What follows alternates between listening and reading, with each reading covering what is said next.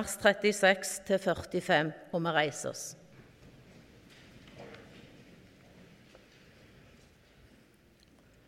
Så kom Jesus sammen med disiplene til et sted som heter Getsemane, og han sa til dem, Sett dere her mens jeg går dit bort og ber. Han tok med seg Peter og de to CBDU-sønnene, og han ble grepet av sorg og gru. Da sa han til dem, Min sjel er tynget til døden av sorg. Bli her og våk med meg. Han gikk fram et lite stykke kastet seg ned med ansiktet mot jorden og ba. Min far, er det mulig, så la den, dette begeret gå meg forbi, men ikke som jeg vil, bare som du vil. Da han kom tilbake til disiplene og fant dem sovende, sa han til Peter, så klarte dere ikke å våke meg med meg en eneste time.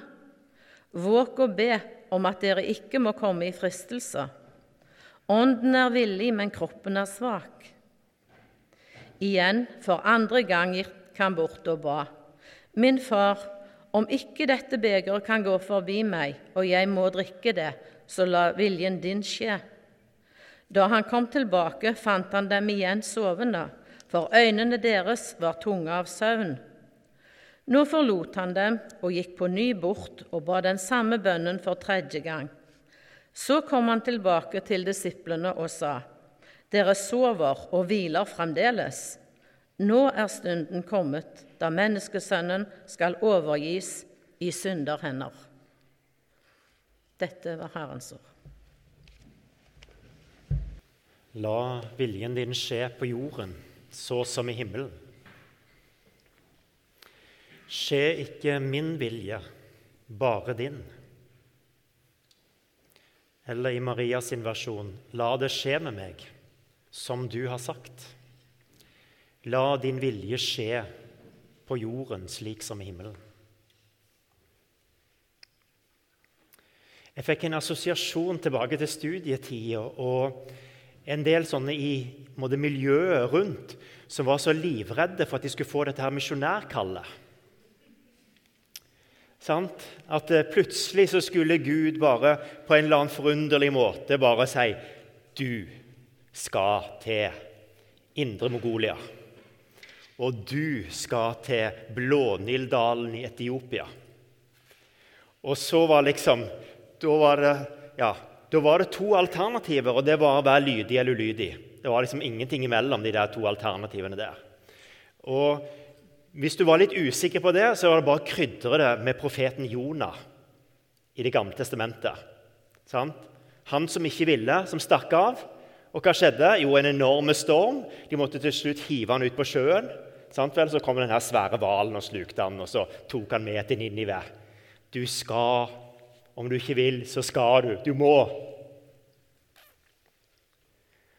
Og Det rare som jeg har tenkt på, det er at eh, bare ta profeten Jonah det, det er jo ikke det som er poenget i fortellingen. Men jeg har gått glipp av hele poenget i fortellingen. For jeg har bare tenkt på Jonah, som var på en måte lydig eller ulydig, og hva som ville bli konsekvensen av det. For hele poenget er jo at Gud lengter etter å vise nåde til Ninive. Det er jo det som er hele poenget med fortellingen.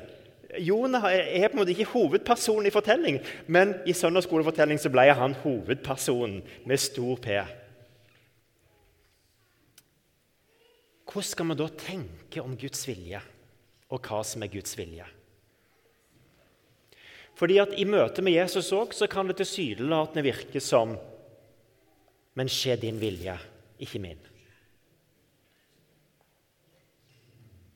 Er det er òg et uttrykk for måte, at Jesus egentlig førte seg pressa til dette, her, at han må?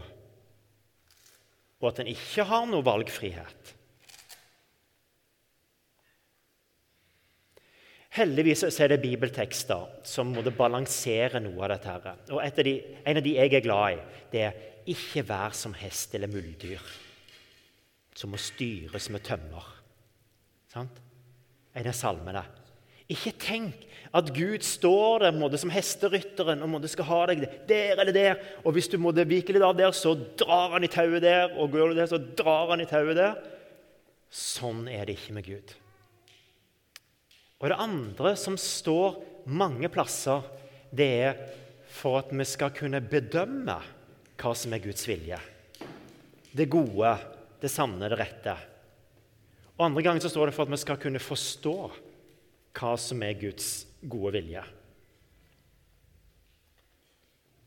Jeg har lyst til å begynne litt med Maria. på å tenke litt på det. Hun sier 'La det skje med meg som du har sagt'. Og Igjen kan det virke som her er det ei ung, naiv jente på 16-18 år eh, som får besøk av en engel og blir overveldet av situasjonen og sier 'Ja, la det skje med meg som du har sagt'. Og så er hun helt uvitende om konsekvensene og hva det vil påføre henne av å bli sett ned på og lett på tråden, og ja, Josef var ikke faren, og hvem er nå dette her, og alt det der. Hva vil familie og venner si? Og så er hun helt naive for det. Hun bare kaster seg ut i det. Men er det sånn? Jeg ble litt nysgjerrig på hva er det Maria sier i sin lovsang til Gud. Og kan det gi oss en pekepinn på at her ligger det noe mer bak? For det første sier jeg, 'Takk, Gud, for at du har sett meg'. På en eller annen måte så er det i møte med engelen en opplevelse for Maria av å bli sett av Gud. Takk for at du har sett meg, og for at du ser meg. Og Vi vet jo ikke hva bønner hun har bedt, men hun sitter med en opplevelse av å være sett. Og det andre hun sier fra nå av så skal alle slekter på jorden prise meg salig. Og det høres jo veldig fromt ut. Men i vår så Tenk så heldig jeg er som får lov til å være med på det som Gud gjør akkurat nå. Det er jo det jeg har bedt om. Om å få lov til å være med på det som Gud gjør. Og så akkurat nå skjer det. Jeg får være med på dette. her. Jeg tror at det sier noe om Maria. Og at hennes valg er ikke bare liksom bare hoppe i det med alle følelsene og all begeistringen uten at det ligger noe mer bak. Det var Maria. La oss gå til Jesus. Og Nå har vi ikke vi gudstjeneste hver søndag, så akkurat her har vi gått litt glipp av en rød tråd i kirkeåret. Og jeg holdt nesten på å gå glipp av det, jeg òg. Men heldigvis hadde jeg gudstjeneste på Avaldsnes forrige helg, så da fikk jeg det med meg. Ellers hadde jeg gått helt glipp av det. Men det geniale Se for dere Jesus oppå fjellet. Forklarelsen, som var teksten for to uker siden. Der Jesus blir forvandla. Han kommer nær Gud, Elia, Moses, og han kjenner bare en sånn stor glede og takknemlighet få lov til å stå i det fellesskapet med Gud og få lov til å være med på det som Gud gjør, og som Gud planlegger å gjøre. Han blir skinnende hvit, og disiplene måtte se ja, men han er jo Guds sønn, som virkelig er kommet for å frelse oss. Så går han ned fra fjellet og så sier han til vennene sine Se, og det var teksten forrige søndag. Se, vi går opp til Jerusalem. Han staker retningen. Han har sett noe som er veldig tydelig for ham. Dette er veien jeg skal gå. Han staker retningen og sier, 'Kom, bli med. Vi skal til Jerusalem, og der skal menneskesønnen lide og dø.' Og så møter vi Jesus i Getsemane, der ting kommer tettere på. Og der han kjenner på redselen og frykten og angsten for konsekvensene av dette. Og Hvis vi tenker litt bare sånn menneskelig om det, er det ikke gjenkjennelig i òg vårt møte med Gud at det er noen øyeblikk der vi bare føler oss så enormt sett og så enormt trygge? Og For meg er dåpen et sånn et, en sånn plass. Når jeg står der gang på gang som prest her ved dåpen, så er det en sånn som bare bekrefter meg i tryggheten på at jeg er Guds barn, og her får lov til å være. Ufortjent som en gave. Det er bare å ta imot for hver. Opp gjennom livet er det ulike erfaringer av måte, som Jesus på fjellet, på et vis. Der måte, ting er veldig tydelige og jeg kjenner meg bare veldig trygg og glad i det å få lov til å følge Jesus. Og Mange ganger har jeg stått som leder og prest og sagt vet du hva, denne veien skal vi gå. Kom igjen. Jeg tror Gud åpner for oss nye muligheter på veien. La oss bruke dem. Og ting har vært så tydelig, og så må det så lett å peke ut den veien. Og så kjenner jeg meg igjen i den derre ja, tvilen, ambivalensen. Var det nå dette som var veien? Vil dette virke? Vil folk ta imot? Det ene må det ja, For Jesus òg at det ene må det gi sitt liv, men vil folk ta imot dette? Hva med de som sier nei? Hva med de som avviser det? Eller for min del, på et vis, var det nå det? Har Gud virkelig sagt? Eh, jeg syns det var så tydelig i forrige uke, eller i november var det så veldig tydelig. I dag er det ikke så tydelig lenger, den veien jeg skal gå. En tredje fortelling er min egen fortelling. Uh, og jeg er på, på et kloster i Wales, på retreat. Eh, og veldig fine måte, omgivelser, litt sånn Postman Patland. Så jeg var mye ute, gikk, gikk uh, turer der, og den ene dagen så kommer det faktisk en sånn Royal Mail, rød Postman Pat-bil, kjørende langs en sånn smal gate mellom to steingjerder og sauer på begge sidene. Og jeg tenker Gud, du har så humor. Fantastisk. Dette var gøy. Å få møte Postmann Pat på, på tur. Men så var det litt lenger nede i veien, da. Det ble jeg oppmerksom på at det var veldig mye søppel. Og så fikk jeg en tanke da og tenkte liksom Ja, skal jeg gjøre noe med det? Jeg er jo tross alt på retreat for liksom å koble av fra alle oppgavene. Nei, jeg skal ikke gjøre noe med det. Det, det får andre ta seg av. Det får de lokale ta seg av. Men jeg fikk ikke helt roen på det der, og jeg tror at det var en kombinasjon av litt dårlig samvittighet Oddbjørn, bryr du deg om miljøet? Du, gjør du noe? Altså, Bryr du deg om miljøet? Eller er det bare med sånne fromme ord det du på retreat ber til Gud? Altså, Har du ikke tenkt å gjøre noe med dette søppelet? Og hos meg så dukker opp motstanderen, djevelen, òg med på en liten sånn stemme. Oddbjørn, vil ikke du være en skikkelig kristen? Jo, jeg vil det. Søppel. Søppel, Oddbjørn.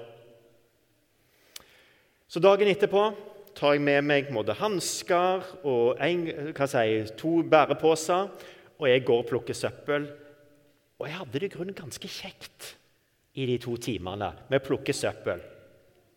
Og bære dette her tilbake igjen og få heve det opp i en søppelcontainer. Dagen etterpå så våkner jeg. Oddbjørn, søppel. Det var mer igjen. Du er ikke ferdig. Og så sier jeg ja, men jeg har ikke lyst i dag. Jeg har ikke lyst til det der i dag.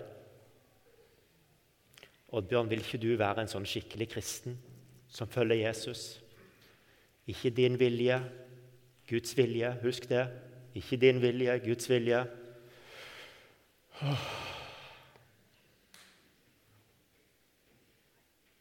Og så kjenner jeg bare Jeg har ikke lyst. Og så går jeg måte, i, i min tanke min til Gud i bønn og sier men hvordan skal jeg vite hva jeg skal gjøre? Tid skal jeg vite hva det er tid, for å bruke metaforen, å gå den andre mil? Sant? Vel, å gjøre det der ekstra utover det som måtte ligge naturlig for meg. Og tid skal jeg få lov til å legge det til sides?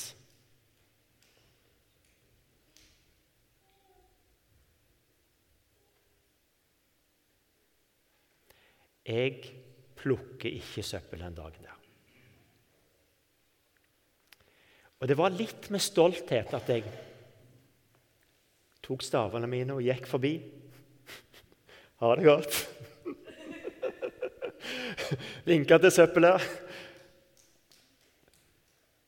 Og så er det noe altså det, det, som ble litt refleksjon rundt i det, er at uh, i forhold til Guds vilje og det å finne Guds vei så er det noe med at det, det er Begge deler kan være Guds vilje. Altså både å plukke søppel og det å la være å plukke søppel ble for meg Guds vilje. Og den friheten Den friheten til å være et helt menneske med vanlige behov Og litt den friheten som Jesus også demonstrerer i hans vei, med å være både på høyden og i ambivalensen og usikkerheten, så er det med at det er rom for det for oss mennesker.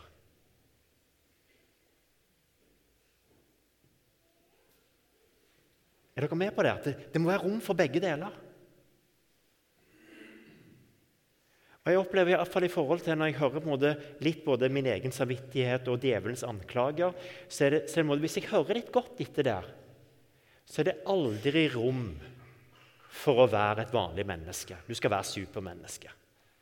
Det er aldri rom for å være trøtt eller sliten eller redd eller ikke ha lyst. Fordi du burde jo. Og Det gjør det grunn veldig lett av og til å avsløre den der samvittighetsstemmen og bare på en måte plassere den litt der og si ja, men jeg kan ta en kikk på deg, og så kan jeg faktisk ta et valg her og nå.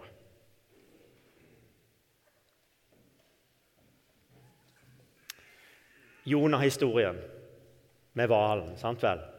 Dere husker poenget med historien. Det var da Gud ville vise nåde. Og jeg tror poenget litt med både Maria og Jesus og min lille søppelfortelling handler òg om at det er Det er en frihet, og det er en vei å gå i å la La drømmen om å være en del av Guds plan få lov til å vokse i oss, men ikke tro at det bare er en sånn, en sånn Herifra så går det bare oppover. Den går litt sånn opp og ned. Og så må vi leve litt med det. Og så tror jeg egentlig at gjennom det så blir Guds vilje noe som vi forstår, som blir en del av oss, istedenfor at det blir bare en byrde som vi legger på oss. Jesus ville frelse verden. Det var jo derfor han kom. Men han kjente på ambivalensen, og han satte ord på det. Jeg kan kjenne på ja, det, det tror jeg er Guds vilje i livet mitt. Og så må jeg gå en vei med det. Og ved å få rom til å gå den veien og også måtte si nei til noe søppelplukking, som er litt en banal fortelling, men ved å få lov til å gjøre det, så kjenner jeg en enorm glede av å få lov til å vandre med Gud. Dere skal spille for oss 'Amazing Grace'. Uh, og jeg tenker den, Blir det, det blir bare instrumental, eller blir det sang? Ja, det blir sang òg. Fint. Den skal være med, liksom minne oss om at det, det er liksom det òg som bærer oss i dette, med å finne Guds vilje. Amazing grace.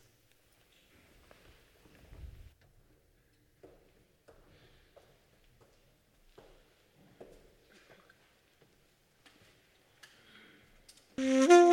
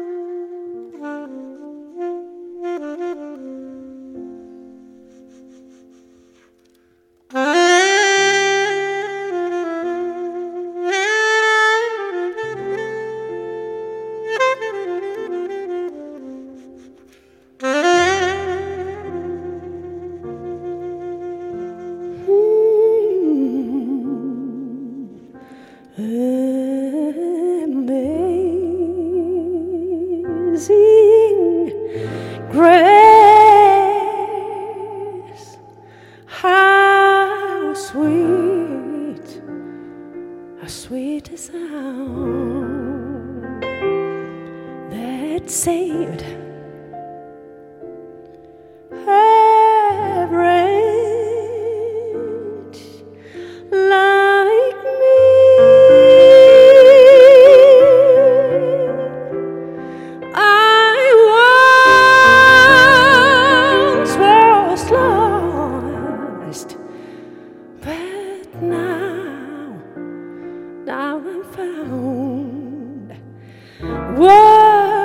Was blind,